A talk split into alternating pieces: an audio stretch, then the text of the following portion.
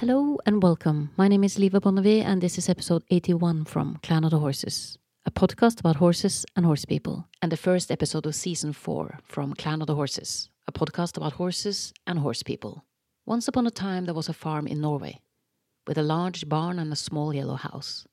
The place was run by resourceful people who inspired me when I wrote my first novel, and it was full of girls in love with horses, who, as it turned out, never quit riding.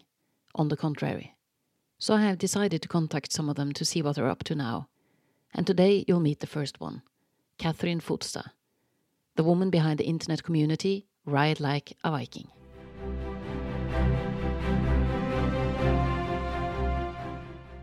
Okay, Catherine, so uh, welcome to this podcast. Thank you so much, Liva. It's a pleasure to see you again. Um, I dare not count the years since we met each other the first time, but we started riding at the same stable. That's decades ago. And because of Facebook uh, and some reunions that we've had, we had some sort of semi kind of kept in touch over the years. And um, then you started uh, this community, uh, Ride Like a Viking. And I was really interested to see, you know, what have you learned since last? Because, you know, when we met the first time decades ago, we didn't know much, did we? We were positive and, uh, you know, uh, we were there, but we, we yeah, we really at the starting point of our career as, as rider, uh, riders and horse people. And then um, I watched some of videos and um, uh, I wondered if you could have like a main topic for this episode, that that could be uh, liberty work without treats. Does that sound like a plan? Yes, that's what I offer. I teach uh, horse owners and also riding instructors, you know, how to do liberty training and riding without treats. And I also like to start my episodes with uh, like the turning point that my guests have had because many of the guests that I invite they have had this point where they start to see things very differently and I would be intrigued to know when did you have that shift where you started to see the horse as something different than you used to do? Uh, that was definitely during the Mongol Derby in 2015. I signed up and participated in the world's longest and toughest horse race in Mongolia, which is 1,000 kilometers long. And uh, I went down there you know, as a riding instructor and horse trainer to train the horses and kind of fix things. But I couldn't be further from the truth because, um, you know, when the kids in Mongolia were riding uh, the horses bareback, galloping over the steppe, it looked like this manifestation of freedom. And it looked so easy. But definitely me, and I think also several other of the Western riders, when we mounted the Mongolian horses, we were bucked off and uh, that was really kind of feedback to me, I think, from the horse that the horse told me, You are doing something wrong because these kids ride these horses without any problem. But you are being bucked off and the horses are stumbling and they just bolt with you. So, what are you doing wrong? And then I, I kind of figured out that my soft supporting hands and you know um, what do you call inspirational leg aid that I was kind of constantly doing on the back of the of horses. The Mongolian horses they are semi-wild and they depend on their ability to flee and to run in the terrain. So anything that kind of threatens that, they just want to get rid of from their backs, and they are pretty good at. Uh, bucking riders off as well. So so when I kind of realized that I just had to I just had to let go. Definitely mentally and also physically. So I, I had to mount the horse and just see where the horse would carry me. And then after a while I could come with some kind of suggestions when the horse was didn't see me as a threat on their back. So it was a very, very steep learning curve. And it, it, sounds like the main difference is that the horses that you meet in Mongolia, they are, um, how do you say, it? they're less polished. They have more of the horse uh, intact within them. So, is it fair to say that you have the same horse in Norway, but it's kind of been molded into shape a bit earlier, and some of the signals are not there anymore, but inside they are the same? Yeah, I think all horses are they are flight animals, you know, and they are herd animals and they eat grass. So that's kind of a common trait for all horses. But I think many of the horses in the Western world, they are, like you say, they are kind of shaped into tolerating much more than what the Mongolian horses would tolerate. You have a more natural horse because the Mongolians, they have their horses outside 24 7 through the whole year. And through the winter, these horses need to find their own food and flee from predators. You know, they are on their own. So if they become too human dependent and too tame, they are not going to survive out in the wild. Versus, you know, we can have our horses, we can put rugs on them, and we can give them grains and have them inside and outside and handle them in a completely different way. So it's a very, very two very different horse cultures, but the Mongolians definitely have kept their horses very much intact and natural, and they are rideable if you are able to get out of the horse's way. Yeah. Yeah, sounds like a favor that uh, a lot of the Western horses also, or the horses in the Western world also would like to have benefited, I think. Yeah, but they are maybe not as um, clear in their feedback. you know, they endure it mm. and tolerate it, but it doesn't necessarily mean that's a great way of uh, riding a horse. So, would you say that? I'm I'm guessing that because I know the dates of when you went to the Mongol Derby and know when you started to ride. Would it be fair to say that um, you had known before you went to Mongolia that it was important for you to get out of the horse's way, but and maybe also thought that you were that kind of a rider, but that these horses taught you something completely different.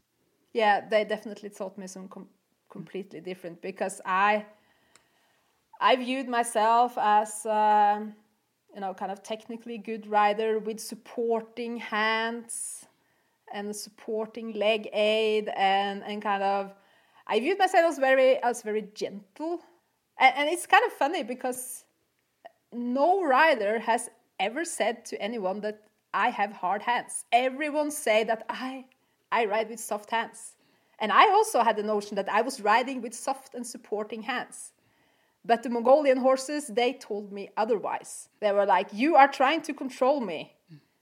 Get out of my way because if I have a rider like you on my back, I can't flee away from predators and I can't feed myself in this uh, landscape. So I don't want you on my back and you would have involuntary dismounts. And, and also, I also learned that this is very much a mental state because if we think of controlling the horse and are afraid to let go, our body is going to do it ever so slightly. Although we kind of think that we have mm.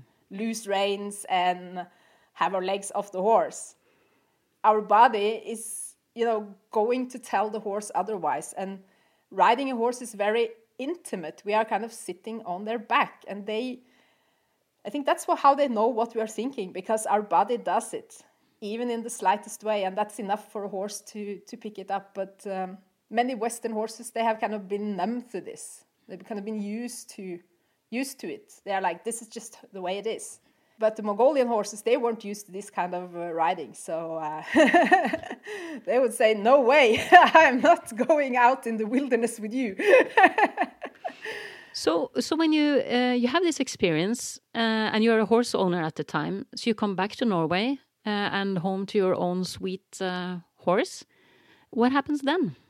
Yeah, because um, yeah, we we have um, several horses, and kind of one of them uh, my mare, who I now call my golden mentor.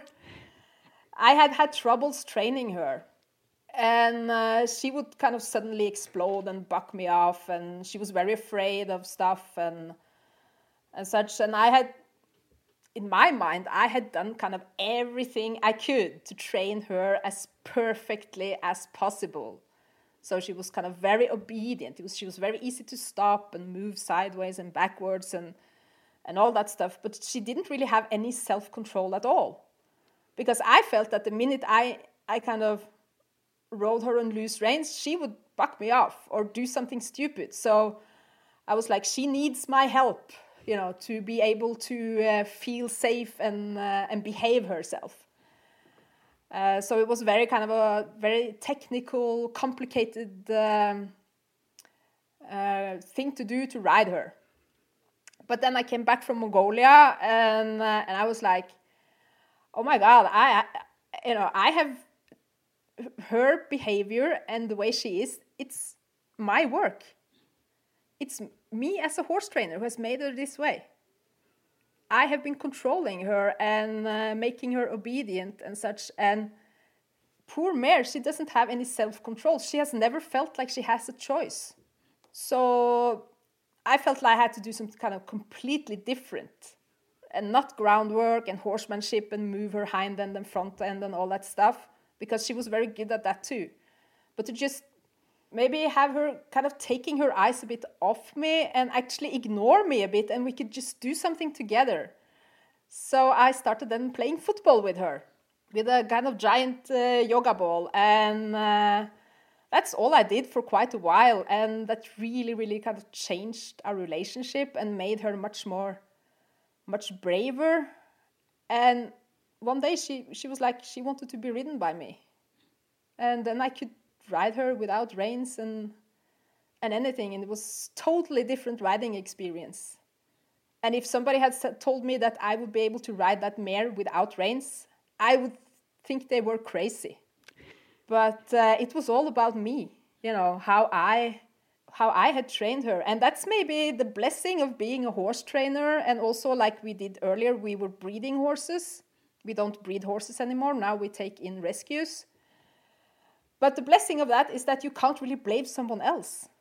And I, I hear that a lot like, yeah, it's the former trainer did this and that, or the former owner did this and that. And you have, have all these kind of things that has happened in the horse's past that is someone else's fault.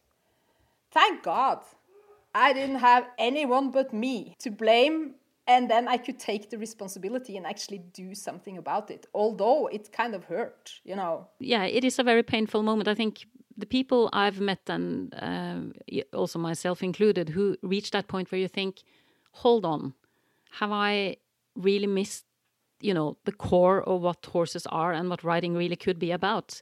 And all the stuff I used to do actually it makes no sense to the horse. Uh, when you when you reach that moment, you have a choice. You can say, "No, I'd rather just go on like I used to do. It's it's so it's it's fine," or you can say, "Okay, this hurts this is a painful insight and it's going to be a lot of work to change because changing yourself is hard work it's much easier to change the horse no wonder why most trainers aim for changing the horse because that's done in a very short period of time compared to changing humans but to have that point where you choose to go this way this more challenging but i also think more more rewarding way so, so it started with you with Mongolia. You came back with your mare, and you started to experience with the football. I, I gathered that this is something that suited was suited for her, not necessarily for any horse, but that was the way in to the communic communication with this particular horse, because there are for sure all different. Yes, yes, uh, definitely, and, and she she was definitely the kind of horse uh, that it's very very easy to catch her eyes and she's also very sensitive, so it's very easy to move her around. And she's sensitive towards the leg aid and the rein aid and, and body language and all that stuff. But she was looking at me, but not necessarily in a good way. She had that fear in her when she looked at me. She was like, What's the next command? Or, or you know, so more training and more obedience would not have helped with her. I needed to do something completely different and do things, you know, together with her. And I could com then communicate with her through the ball, actually. So she was running after the ball that I was sending off. I wasn't pointing and stepping and swinging and making her do stuff. And then she, I think she started to kind of own her own movements. And she definitely came a whole lot braver. And she also became more comfortable when around me. Because if a horse looks at you in a bad way and is holding tension on the ground, you're not going to fix that by mounting the horse and starting riding the horse. You know, you're just going to carry that with you into the riding. So that's why I had always, ever so slightly, you know, been holding short reins to make her stand still when I was mounting. That was just the way she was. If you didn't do it, she would, you know, kind of run off But although my hands were very soft and polite, and still it's it's capturing the horse and making the horse stand still when they are running away in their head. So um, yeah, I've been talking a lot about worry cups and how to empty worry cups in horses and such. But she definitely had very small worry cup that was very easy to fill. Mm. And before I was able to kind of empty that worry cup, I uh, I was doomed to be bucked off in unexpected ways. But now, in hindsight, her bucking me off wasn't very unexpected when you think of it. But then I felt like it. I felt like I've done everything I can. You know, she's so obedient. She's this and she's that, and I've done so much. I've tried everything but I hadn't tried everything. I tried the things I knew how to do. I think that's that's one of the stories that I tend to get from people. That when you meet that one horse, the uh, quote unquote difficult horse, where where your old you know manners and way doesn't really work, and you have to look for something else. That's when you are at that point where you have the opportunity to see something else. So when you yes. called her a golden mentor, it makes perfect sense to me because I have one at home myself. The horse that actually says that this is just not good enough for me. And then you will have to do better or different, whatever you want to call it. But then the change begins. And it's a journey, isn't it? Yes, because although I couldn't blame any other trainers than myself, I could easily have blamed the horse. That's, I think, what people normally would do. Yeah. Like I have trained hundreds of horses. Mm. No one has been as bad as this one. Mm. And then it's the horse's fault. And we carry on because I think 90% of, of horses, except the Mongolian ones, and they have many horses, they have millions of horses, but like the horses in the Western world, 90% of them tolerate this way of being trained and handled. And then you have a few percentage that doesn't. Mm. But it doesn't mean that it's necessarily wrong with that 10% of horses. It might be that we are handling horses in a way that they tolerate but isn't necessarily good for them. I would I would say that the 10% are likely to be the sound horses often. Yes. As in mentally sound. Uh, and when you describe your mare, it's also something you see quite regularly that, you, yeah, you, you control the body, but the mind is somewhere else. The mind of the horse is somewhere else. And and with all due respect, uh, one of the problems also is that our mind is often also somewhere else. So, so that's where you know a lot of people start when they when they meet this one difficult horse and and are forced, like in a steep learning curve, curve to see something else. And what I like about you is that you have decided then to to try to involve other people and and share this knowledge and this way of thinking because I think it's it, I think it's really important to challenge that what we're doing today is based on a military tradition that had its reasons for being strict and and regulated and you know being the way it was because it was war. You trained horses for war. But we don't train horses for war anymore. We train them for leisure or in some aspects also competitions. So it is it's not a life or death thing. So we shouldn't treat the horses as though, though it was a life or death thing, but we do. Uh, and uh, I think the key word, uh, as you pointed out, also is control. We need yeah. and feel we need to control them. So can you say a little bit about, you know, how you went along to kind of let go a little bit more? Because I know from experience that it's really difficult because yes. every, you know, cell in your body is is kind of aimed towards, you know, you need to control, you need to put the horse in place, all those, you know, uh, things that you picked up at any you will pick up at any riding school, modern riding school. So how you know that's yeah how how was that journey for you? Yeah, I definitely I, was, I also started to search you know on the internet mm. for practical ways of you know actually doing this mm. and and how to get a self-controlling horse with a functional top line and hind leg engagement from self. And I was definitely very very fascinated by Hempfling. Mm. He has many YouTube videos. He talks a bit in riddles, but his body language and his communication with the horses is so clear and his aim is never to control the horse. And he can then take that connection he has built on the ground and bring it into the riding. And the horses have a functional top line and have self carriage and hind leg engagement. And i was starting to think you know why?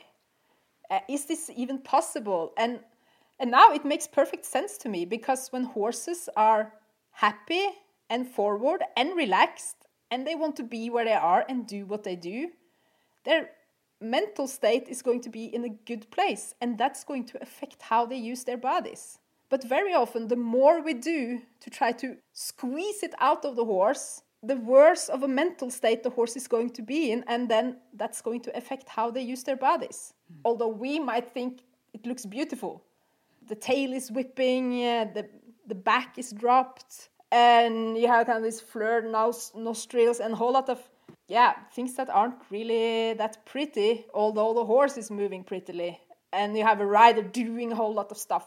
So definitely Hempfling and uh, Warwick Schiller. Mm. I uh, learned very much from him. And Anna Blake. She is so awesome. Her blogs. Mm. And I still use Anna Blake's blogs kind of every day when I go to meet my horses. I have her voice in my ears. She's like, let the air rest, breathe. And then I can do that, and I, the horses can then approach me and take the initiative instead of me always having this agenda yeah now i'm going to do this i'm going to do that i'm going to make this video and i'm going to train like this and i you know i'm going to the horses with my head full of this mm. and i grab them and although they're standing still and allowing me to grab them it doesn't mean they like it no Anna Blake is brilliant. When uh, when I had the first interview on this English podcast, um, I think maybe uh, three or four months after I started the Norwegian one, uh, I had her as my first guest because I wanted to set the tone for the podcast, and I, I think she was the perfect person to do that. I think she's brilliant. Yeah. And so many layers, and yeah, she's brilliant. Yeah, she could put into words the stuff I was kind of feeling and thinking, but I, I couldn't kind of find the words for it. So, uh, and then I started to blog myself, and I think that's how the community started. I just I was brimful of all this new knowledge and the, the process I was going through that I wanted others to learn this as well.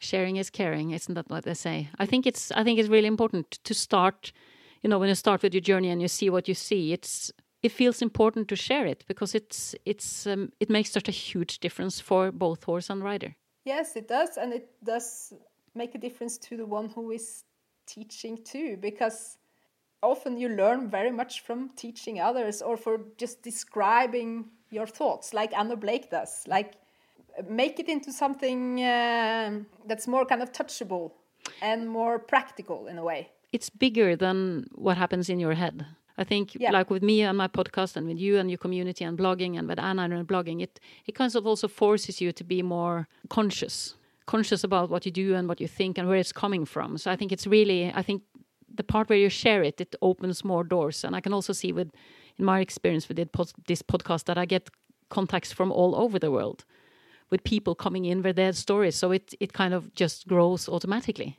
which I think is brilliant. Yes, and I, I always like this uh, approach of it's so easy to find bad stuff, you know, and negative stuff, and point out out what's wrong. You know, any idiot can point out out, out what's wrong but not so many people are able to put into words and practice, you know, another way of training horses than mounting them, making sure they stand still, pick up the reins, and ride them where you want to go. You know, that's completely normal thing to do in any riding lesson. Any rider would do this. But that's putting yourself and your own needs first. And, you know, to just ride the horse when the horse wants to be ridden and wait until that happens, be able to mount on loose reins, and then ride forwards and see where the horse is carrying you. That's a completely different way of actually building a relationship with the horse, and it gives us the ability to make our ID the horse's ID. Because if the horse carries us to the gate, which they very often do, because that's where they want to go, they want to go to the other horses, they want to be done with the riding we can do some sensible work by the gate and then maybe rest the horse towards the scary corner and make the corner the favorite place. So you get kind of rid of these magnets and anti-magnets that are affecting how the horse moves so that we don't have to use our riding aids and our riding signals to control the horse by preventing them from rushing towards the gate and pushing them into the corner. All horses, you know, can maintain a speed on the track and, and they can even be attracted by the corners if we make that the favorable thing to do. But if I tell this to people like, yeah, ride when the horse wants to be ridden and once you mount, drop the reins and ride off and see where you end up, they think I'm crazy mm. because everyone is so used to making the horse stand still, mounting, picking up the reins, and make the horse go where they want to go. Mm. And I was there too. You know, before I went to Mongolia, that was like how riding was done. Yeah, that's what you're taught, I think. Yeah. Yeah, once you enter the stable and start your first lessons at a riding school, you know, uh, because it's it's so easy to understand when people say, you know, look like a leader, you know, look bigger, uh, claim your space. It's it's very, you know, you can relate to that, but but uh, you know, taking the horse as a horse and and giving the horse time to accept you and stuff. That's that's more like a mm, don't really know that language from before. Um, I'm I'm the leader. I'm telling him it can't be the opposite. You know, if you if you don't keep the horse under control, you know it's dangerous. Yeah, and I'm like, it's so dangerous to ride a horse that needs to be controlled all the time. Yeah, but that's somehow that's uh, yeah. People really don't understand the difference. That the real danger is, you know, the controlled, shut down horse. Yeah but a horse that's open and uh, and uh, you know there's a real relationship and there's real communication you have so much you know it's a, such a better life for both horse and rider i would say yes and much safer to ride mm. and definitely if we are able to empty the worry cup mm. uh, with some that simple exercises we can do like the bend to stop if both the horse and the rider knows this because it's not it's not about really keeping the horse calm at all times either. That can also be a very common pitfall. Yeah yeah we make, must make sure to not make the horse nervous and not exceed their threshold and keep them calm at all times. And if then as you say the horse looks calm and confident but has inner turmoil this is going to build up until it overflows. So the clue here is to then be able to empty the worry before it overflows. And that that was what happened with my mare. She had kind of this brimful worry cup at all times, and I wasn't emptying it because I was trying to fix it by controlling her. And it didn't work out. So when you say liberty work without treats, because I've talked to many trainers and also, you know, doing my own thing about this, is that in a sense the way the horse feels is the treat Yes, exactly. And we can also be the treat by taking the guard. And now I have to uh, talk about another huge inspiration of mine, which is Elsa Sinclair and her movie Taming Wild. That movie was so awesome because she describes in this movie how it's possible to tame a wild Mustang without treats and without ropes. So she's in a huge fenced area, and that's where she started communication with the horse. Yeah, yeah. Mm. She gets uh, this wild Mustang, probably from the Wild Mustang Federation or something, and very, very strict rules on what fencing you must have and, and such. Yeah, that and the mare she wasn't in a herd; she was alone in this fence. So that, of course, her horses are herd animals. They want company. So that probably makes it a bit different what she's doing than what I'm doing here because I have a herd of horses. They are together uh, they would not be as kind of depending on me for mm. company. Yeah, yeah. But that aside, uh, what I learned from uh, from watching the movie was that it was about taking the guard. So she could be with her wild Mustang mare, and she would gaze out at the environment, and she would be the one taking the guard for the mare. And sometimes the mare would be the one taking the guard a bit. But usually it was Elsa who took the guard, and that was her reward for the horse. And looking at the mare was pressure.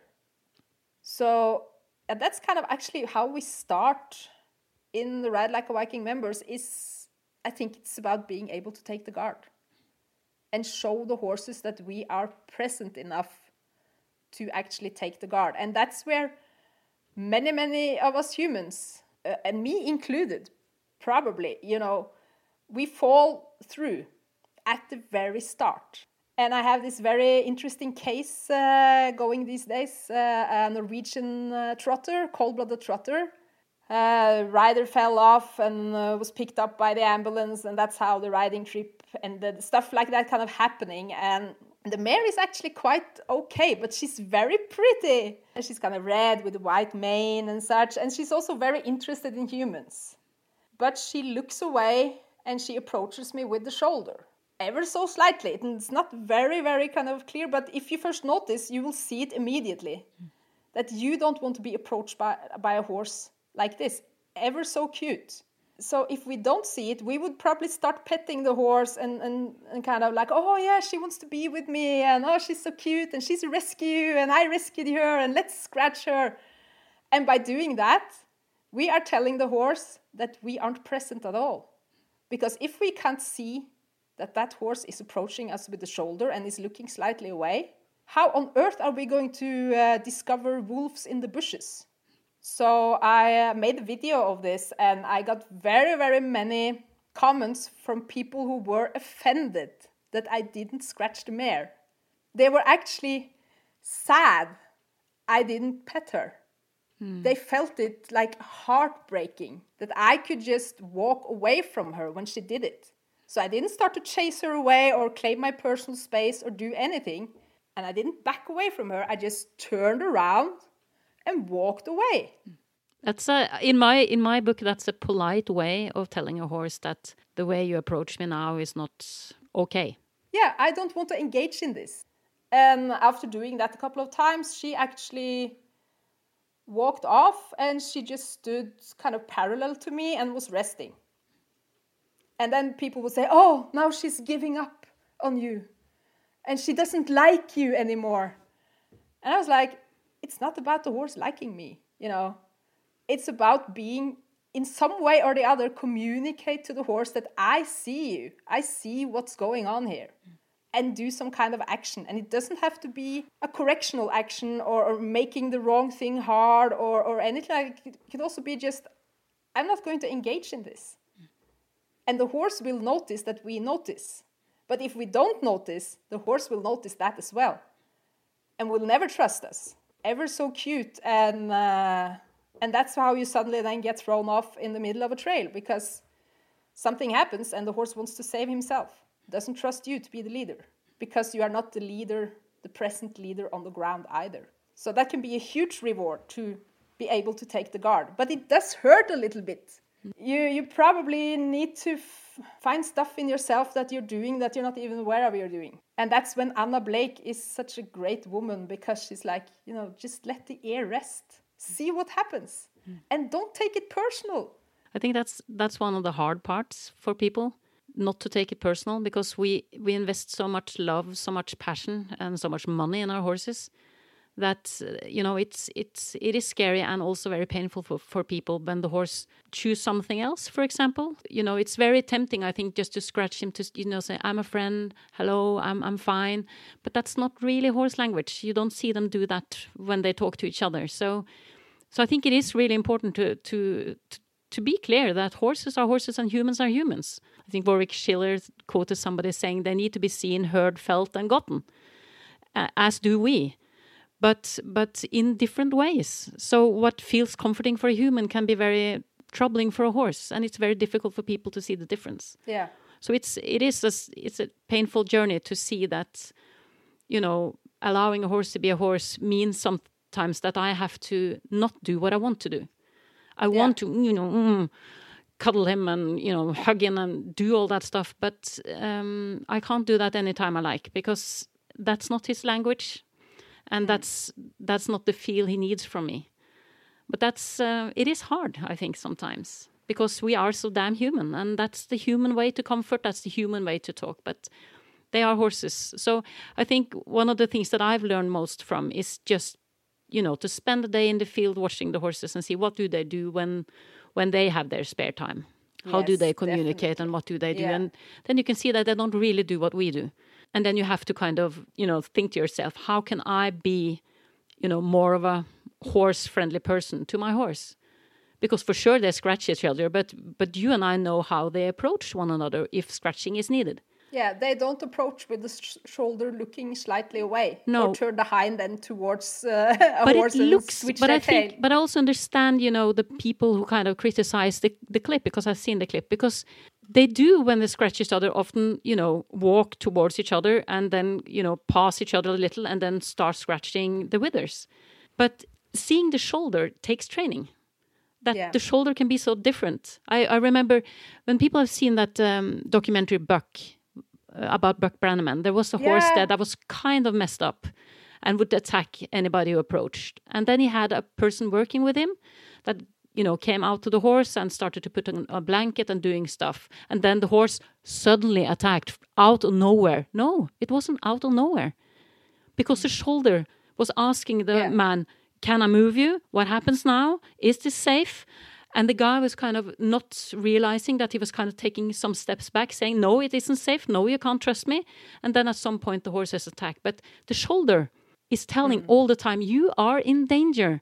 But if you Yeah. can't read the shoulder, then it's yeah, you, for sure it's happened without any kind of reason. The horse is crazy. No, it's not crazy. The horse is bred and raised by human a human being, and horses shouldn't be bred and raised by human beings. They need to be bred and raised by horses, Yes. and then we can, you know, uh, enter the stage a bit later. But otherwise, we're gonna we mess them up basically, and we make them dangerous. Yeah, and I also love to study uh, our herd of horses. And how I see it now is that, yeah, sometimes they scratch each other mutually and such, but very often they are taking turns in taking the guard. Like if you never see all, at least not my horses, they're not all of them lying flat out sleeping. No, no. There's always someone or maybe several who are standing and taking the guard. So that's very, very interesting. and I think a it's- very good reward we can give horses. And I think it's very interesting also to to be um, sensitive about the situations where your horse is actually the guard. Because my horse always approached me with the gate uh, or by the gate, but sometimes he doesn't, and that's because he's in charge of taking care of the surroundings. So for sure, I can go and get him, but I would much rather just sit down and give him a few minutes so he can kind of get the next guy to take over, and then he can come at his own pace Yes. because it's so tempting to um, or so easy to overlook the fact that uh, he's in charge of something here he's he has responsibility Yeah. and and to to intervene and and uh, you know act as if it doesn't exist it's it's not the best way to build a relationship with a horse because then you don't understand their world and you really need to understand it yes. And a great way to learn more about horses is to actually observe them mm. without an agenda. Mm. And I, I think now I take it more and more kind of as a compliment if I enter the pasture and the horses kind of keep on doing what they were doing mm. before I arrived. But I see that kind of puzzles people a bit. Yeah because then it gets kind of personal you know why don't they want to be with Yeah. me? I was so yeah. nice with him yesterday. Why won't he come here now? And they they come here at farm stays or whatever and they expect me to be the kind of horsewoman who goes to the gate and calls my horses and then they come kind of running. And i'm like oh god forbid i do not want that at all. I don't want to be crowded by a bunch of needy horses you know and and uh, no i i want them to keep on what they're doing and sooner or later they will notice me and usually come and say hi if i just give it some time. And if they don't that's okay too you know but they have kind of their herd life. And if i can be a part of it like i'm basically like i don't exist almost like i'm i'm just part of their herd.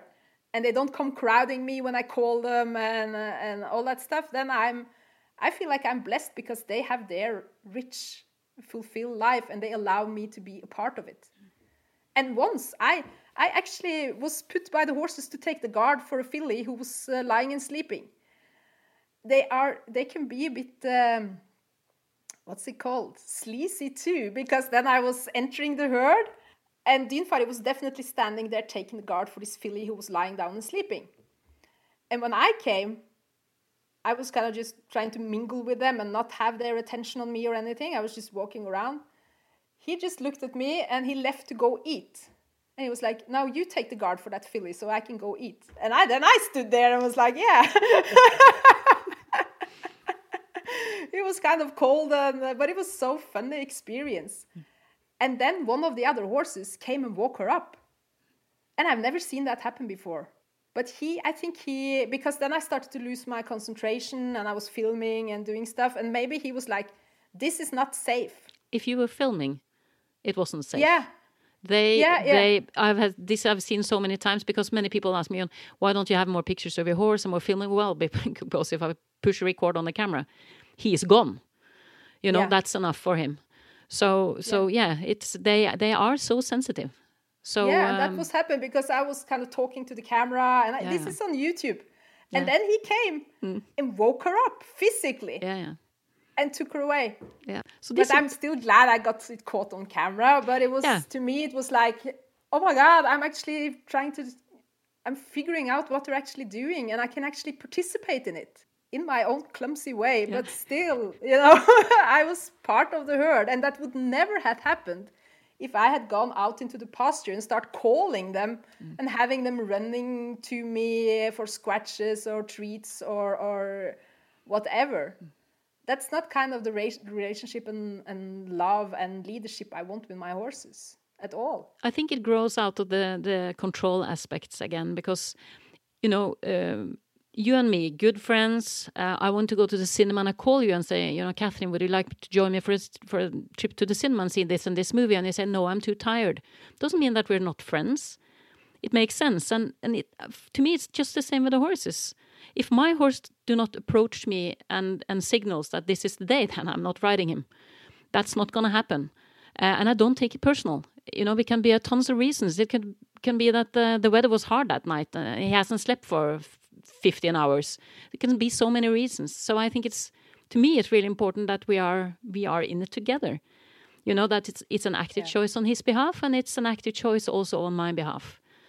And uh, I remember once I had a I never use my cell phone when I'm at the stable, but sometimes for you know there are emergencies that I need to kind of spend time on the phone. So I've been in the pasture and, and talking on the phone. And once I talked to a horse person, and she said, "Isn't that a bit you know unpolite to speak on the phone when you're with the horses?" And I'm thinking, no, I can do my thing when I'm with the horses because I don't expect them to to uh, Yeah, have a hundred percent energy into my direction. Now I'm doing my thing, and I am allowed to do that, and then I come back and do their thing or our thing. But so it, but I'm not sitting on a horseback and and talk on the phone, or or groom my horse and spend real time with my horse and and also spend time on the phone. That's completely different. So you know you, you get kind of a a feel of what you like and you do not like, and what kind of a horse person you would like to be for your horse over time. But that's so true. But uh, but the concept, but the concept of Yeah. no, I'm not riding him today because he doesn't want to get ridden, or like a friend of mine, no, I didn't come today because he didn't want to be transported. And then people say, yeah, but you missed an opportunity. Yeah, but maybe the horse sensed that this is not a journey that's worth taking, and the horse was right. So, you know, you you have to kind of, you know, make your choices on what kind of relationship you want to have with your horse. Yeah, and Anna Blake has many good blogs about this mm. too. Our neediness. Mm. Like we need to have the horse liking us and showing that they love us and we need that the horse approaches us and and yeah, if we can just let that go. Yeah, it's hard, but we can be part of the herd. Mm. Like a re- real part of the herd if we put that neediness away and that's a much greater gift. And also how awesome that um, we can actually allow our horse to communicate. Like go away if they want to. That's uh, really that it's so important with The- some horses especially the ones who have been ground tied and this can happen at liberty too. Like we can control horses at liberty. And this is not what this is about. Liberty needs to be liberty. Yeah, by mm-hmm. giving choices and um being able to take the guard and wait for relaxation. That's the greatest gift we can give any horse. Let the air rest, like Anna Blake says. Mm. Yeah, there was a recent scientific study now that um, measured the anxiety level in horses that were petted. Mm. And it went sky high. Mm. And we of course want to love on them and want to show our affection like you say and that's our language. And we are so consumed by our own emotions that we don't see that the horse is actually not enjoying this. And on the other hand it's quite difficult to also see that the horses aren't enjoying it because horses aren't very easy to read. They can look so pretty and happy while holding tension that my approach has now been to wait for relaxation. Like when they have yawned, licked and chewed, lower their necks and started breathing normally and you know, show signs of relaxation, then I know they're relaxed. A horse standing still with a high held neck and the ears forward, mm. probably not very relaxed. It is a journey.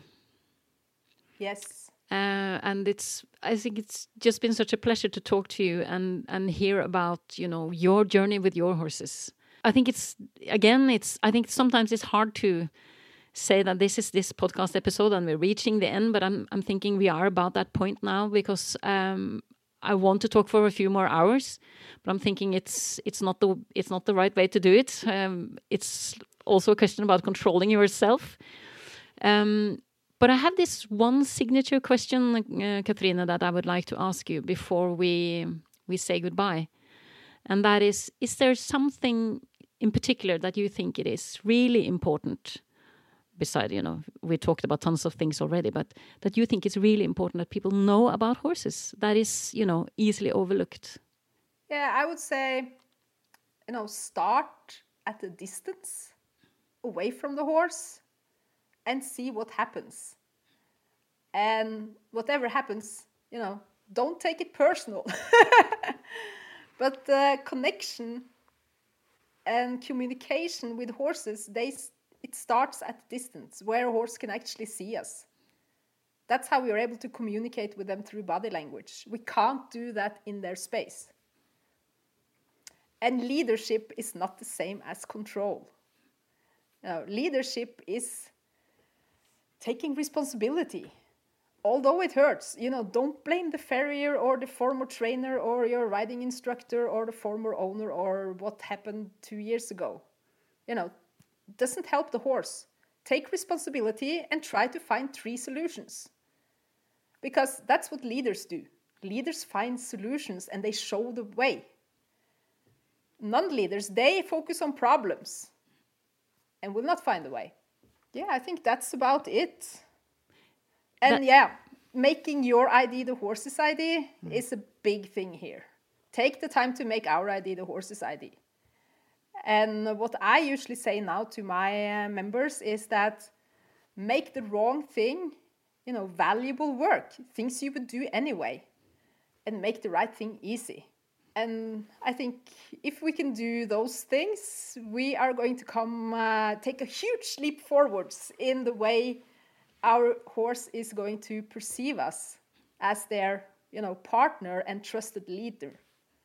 The word leadership is you kind of you've now kind of said something about what you you know what you mean by leadership, but I think uh, Sabine Biermann had a very interesting picture. I think to say what leadership really is. She said that uh, a young uh, child can lead an adult man through the forest if the child knows where they're going and he is lost.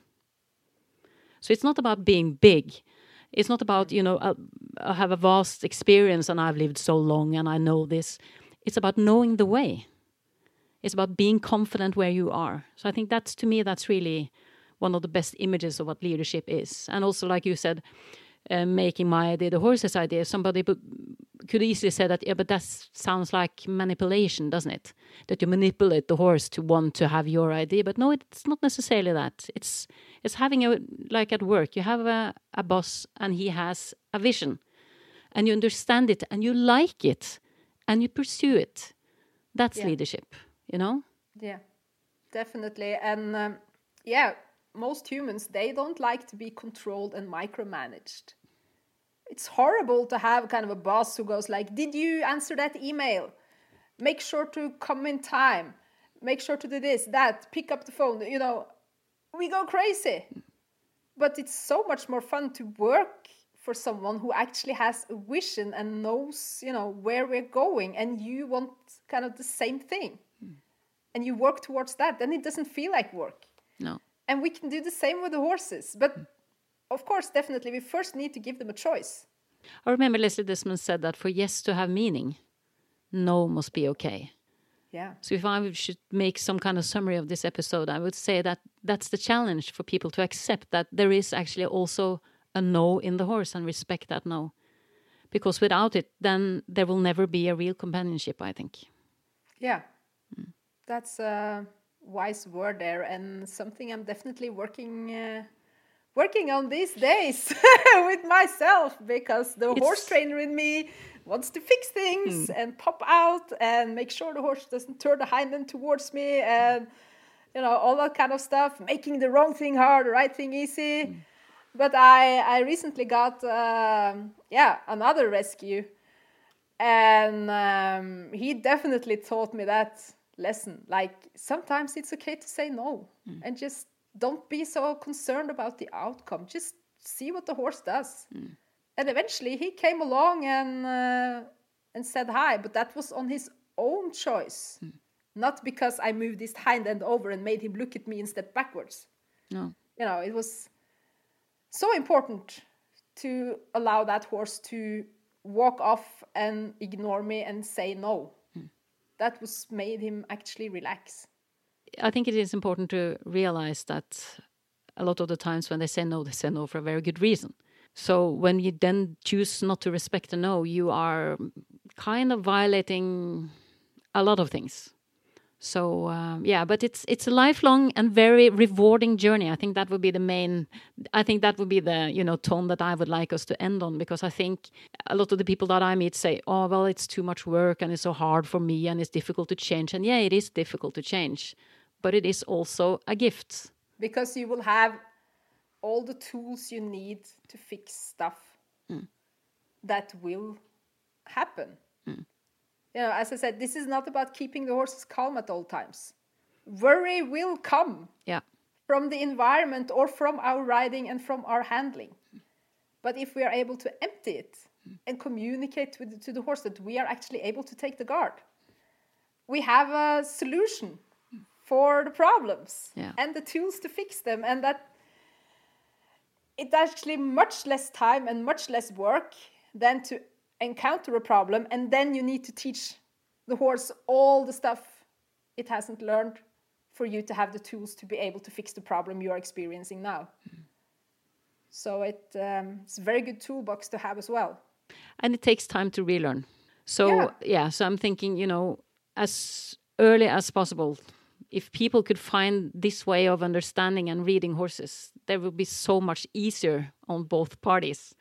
Yes, because a horse who has been controlled for 10 years, mm. most of its life, like the video series I have with the Black Mare, giving her choices, you know, she was worse than what she ever been before. because she Yeah. had no idea what to do when she wasn't told what to do. But now she has a toolkit and a knowledge of self control and uh, and choices that makes her much much easier to ride. So if something pops up, you can easily be fixed with the tools she has. But when I first started, where I had to, you know make the whole grounding, and that took a while, but not that long. I think thirty sessions, maybe forty. I wasn't counting sessions, but you know it wasn't. It wasn't uh, It wasn't a million it- years. It, it wasn't a million years, but the horse will tell you when it's time to move on. You know, that's the true magic of this approach too, because you can't really force things through. And what they learn from their own experiences and their own knowledge is something they own much, much deeper than just being told to do something. Perfect, Catherine. Keep up, uh, keep up the good work. You too, Liva. Thank you so much for having me. And uh, It's a pleasure. See you next time. See you next time. Take good care. Bye for now. Bye for now. You have just heard episode 81 from Clan of the Horses, a podcast about horses and horse people. I want to thank my guest Catherine, my composer Fredrik Blom, and last but not least, I want to thank you, dear listener, for your patience. May the horse be forever with you.